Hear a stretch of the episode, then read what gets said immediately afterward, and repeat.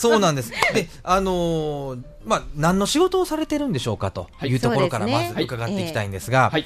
今、このライフサポートさんの方ではですね、はい。どのようなお仕事を今されてるんでしょうか？はい、えーまず仕事はですね、はい。えー大きく3つの柱がありまして、はいはい。まず1つ目が、はい。えー不動産業ですね。不動産業。はい。マイホームを、えー購入しようかなっていう夢を見ていらっしゃる方のお手伝いをさせていただきます。ああ、はいはい。不動産業、それともう一つが、えー生命保険、損害保険のアドバイザーとしての、はいはい。えーコンサルタント、はい。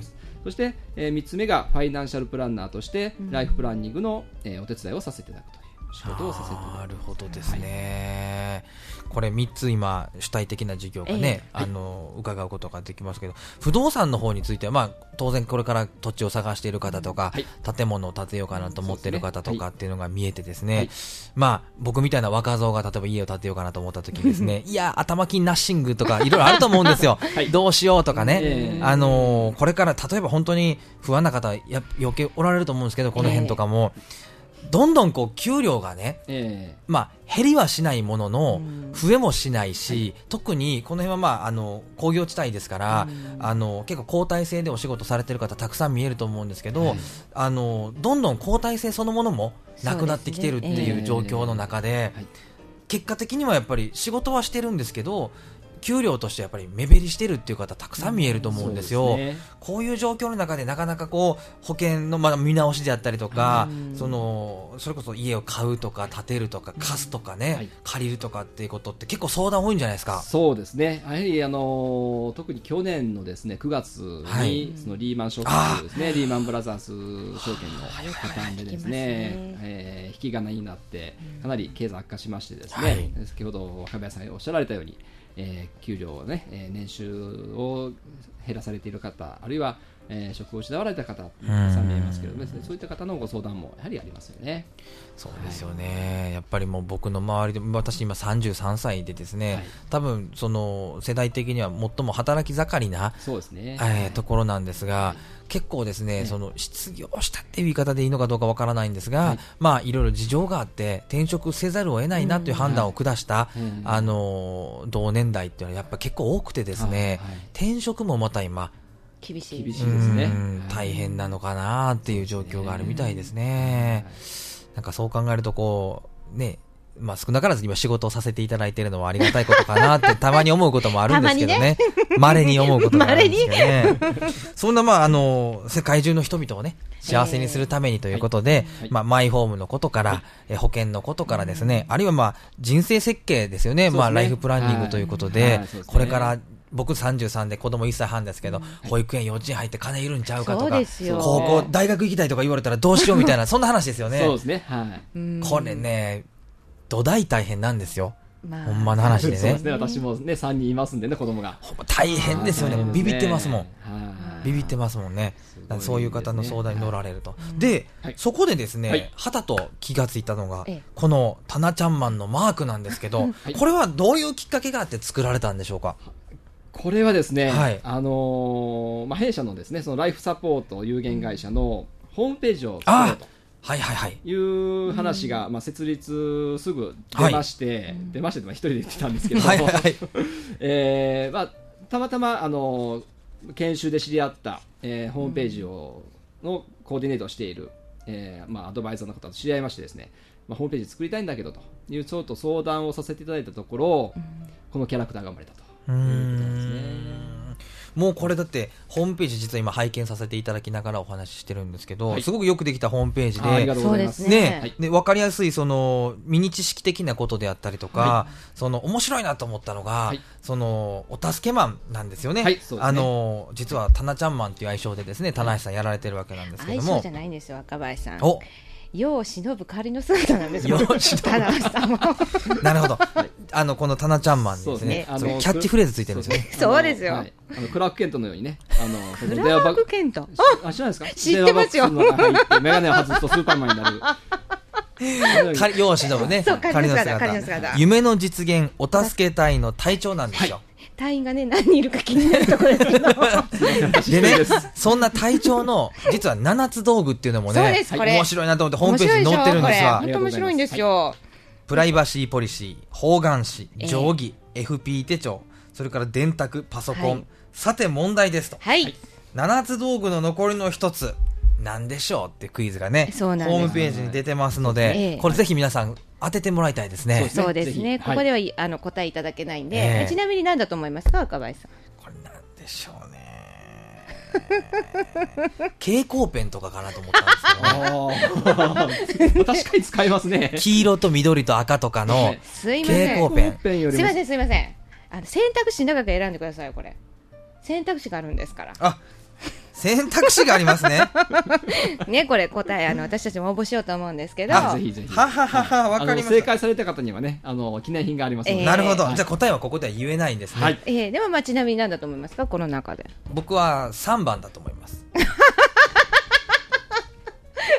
3番だと思いますね。本当ですか？はいはあ、まあそうかもしれないですね。藤田さん何番だと思いますか？そんなのです。私はもう最初からもう分かってたんですけど、4番です。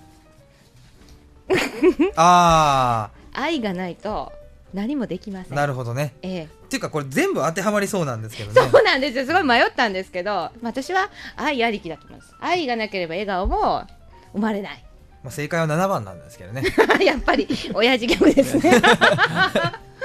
さあそんなですね世界の人々を幸せにする仕事をされている棚橋さんにですね、まあいろいろお話を伺っていきたいなということなんですが、まあホームページも今拝見させていただいて、ぜひ皆さんもですね一度見ていただくとですねこういった面白いまあクイズというか、はい。ええ参加型のコーナーもありますからね。一度見ていただければと思うんですけれども、なんかねその棚橋さんっていうと、ええ。そのもちろんねそのライフプランナーということでね、不動産のこととか保険のこととか人生設計のこととか、まあ様々なね夢とか未来とかっていうものをまあトータルでサポートしていただける方やなというお話になってくるんですが、はい一方ではねやっぱりこのタナちゃんマンのキャラクターに現れてるように 面白い方なんですよ。と思いますね。面白い方だなと思っていて、でね、これぜひですね、あの、ライフサポートさんの方に、リスナーの方行かれたらはい、名刺をくださいと。はい、そうですね。ああ私もこれ本当欲しかったんですよ。名刺をくださいって一回言ってみてくださいと。え実は今ね。あの、ちょっとまあ映像で見ていただくことできませんけれども、はい棚橋さんからですね、お名刺いただいたんですが、はい1億円っていう名刺をいただいたんですね。すよ。これ面白いなと思って見てたんですが、ありがとうございます。額面がですね、本当1万円札のあのビジュアルなんですが、ええ棚橋さんの写真が入ってるんですね。はいで、福沢一十百千万、そうですね。1億円のです素晴らね、しい。額面表記がされていて、ええ円がですね、あの、お金の円マークじゃなくて5円の円なんですよね。そうですねはい。1億の円って書いて1億円って書いてあるんですよね。たくさんの方のね、ご愛用いただきたいなっていうことでね。これ面白いですよね。で、裏に、まあ、いろいろな、あの、棚橋さんのことであったりとかライフサポートさんのことが書いてあったりするわけですよ。ええはい。これ面白いです欲しくてね、ね。欲しくてたまらなかったんですよ、あ私り。がとうございます。あ、やっ。といただけて嬉しいんですけど。そうですかはい。これ、お客様にもお渡しされるんですか？そうですね。はい。お渡しさせてもらってます。面白いですね。はいやられることがそのキャラクターを作ったりもそうですけど、えどっからこういう発想がまあ出てくるというかえですね。そうですよやはりあね。の楽しくね、えー物事は考えていきたいなっていうのがありますからね、やっぱり楽しくないと、将来に向かってね、夢も語ることも難しいのかなと思いますんでね。はい。そうですよねはい。初めてお目にかかった時も本当楽しかったんですよあそうですちょっと打ち合わせさせていただく時に。うんありがとうございますあ、面白いな。すごくなんかこう、まあ、元気のいい方だなってイメージがあってですね、はいあのー多分お一度お会いされたらですね、ああ、田中さんってやっぱりすごい元気な方やなっていうふうに、元現金な方ですか？気な方、1億円ですから、1億円ですからね。あささっきのやっぱ7番ですね、答えがね。あ、親父ギャグ。やっぱり。いや、本当そうやなと思うんですけども、なんかあの、どうですかね、その、まあ、これだけ面白く楽しく、あの、人生設計していきましょうよっていうですね、はい棚橋さんの今お言葉ありましたけれども、はいあの、今、実際まあ、こういう景気？の中でですね、はいあの、楽しい、はいあの、夢のある将来というか、まあ、未来がですね、なかなか描きづらい環境があると思うんですけど、ねはいどういうふうな心境を持っていくとですね、楽しく生活できるんでしょうね。そうですね。あのー本当にですね、最近のそのご相談をされる方のお話を伺ったりとか、あー聞いてますと、本当に振り回されてるなっていう方がすごく多いんですよね。で、はいはい何に振り回されてるかっていうと、お金なんですよね。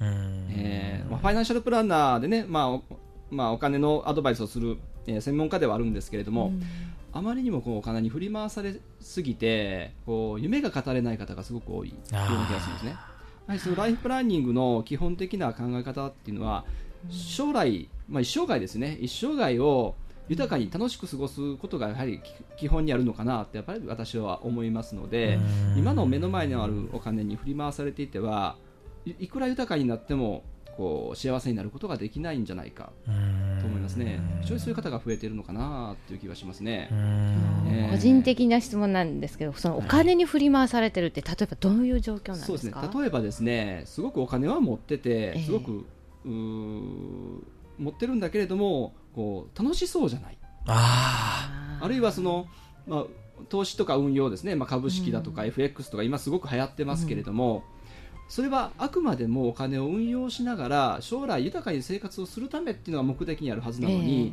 えー、お金を増やすことだけが目的になっていて全然楽しそうじゃないんですよね。さあそれで本当にライフプランニングを描けるのだろうかって思ってしまうんですよ。言葉はじゃあ悪いかもしれないですが、お金を貯めることが目標じゃなくて、そうですね、それは手段ですよね。ですよね、はい、逆に、はい、手段って言っていいかどうかわからないんですけど、はい、豊かにするためのあくまでも一つの手段。そうですね。でも結構お金を貯めるのが趣味ですっていう人もいるじゃないですか。えー、それはそれでいいと思いますいいですけどね、えー、まあ人生豊かになれば。でもまあそうかもしれないです。あの住宅ローンにこう、ね、振り回されて、結局いろんなもの我慢したりボーナスが今ね、ちょっとカットされてるから大変なことになったりって、つまらなさそうですね。確かにそういうのに追われてる人って。い。うのは、そうですね。それ思いますね、疲れてる方も多いですし疲れてる人多いですね本当に。楽しそうにお金使ってないですもんね。そうですね。ですからこうねあのそれを提案させてもらうアドバイスをさせてさせていただく立場としてねせめて元気は出していきたいな。なるほどですね。も一緒に提供したいなっていうふうには思いますね。なるほどですね。確かにそのお金のね、えその使い方よく雑誌とか最近本当に見てると FX だとかですね。流行ってるじゃないですか、でもあれってやっぱり一方では、それでまあ本とかもたくさん出てたりはしてますけども、まああの良くも悪くも当然リスクもあるわけでして、ね。はい、あのねやっぱりそれそれこそお金にも振り回されてる方っていうのは、はい、あ一方で誰々さんが FX で結構儲かったらしいでそうですよ、ね、私もやってみようか。そうですね。これでね、ええ、始めちゃってどうのこうのとかい。ろいろあると思うんでね、これは気をつけていただきたいなと思いますね。ね。振り回されるお金があるだけいいじゃないですか振り回されるお金もないですわ。何をしよう。藤田さんなんかいつももうね一日一面で麺ばっか食べてますから余計貯めてるんでしょ？やらしいもう。ここ編集しときますからね。お願いします。ようけ貯めてるんでしょ。持ってないです。田中さんとか行かなきゃいけないです、私。はい。まあ、あの、いろいろとですね、田中さんにはお話を伺ってきましたけれども、はい、えっと、後編の方もですね、はい、あの、引き続きまた、あの、田中さんにいろいろお話を伺っていきたいなと思ってるんですが、はい、前編の、まあ、今最後の方でですね、お話を伺ったみたいにですね、今、地域の方々、もちろん日本人の方もそうかもしれないんですが、やはり、まあ、楽しくお金をね、えー、貯めて将来設計ができない状況にあるんじゃないかとい。うお話をですね、はい、今一つまた伺っていきたいなと思っておりますので、でね。はい、田中さんまた後編もよろしくお願いします。よろしくお願いします。ます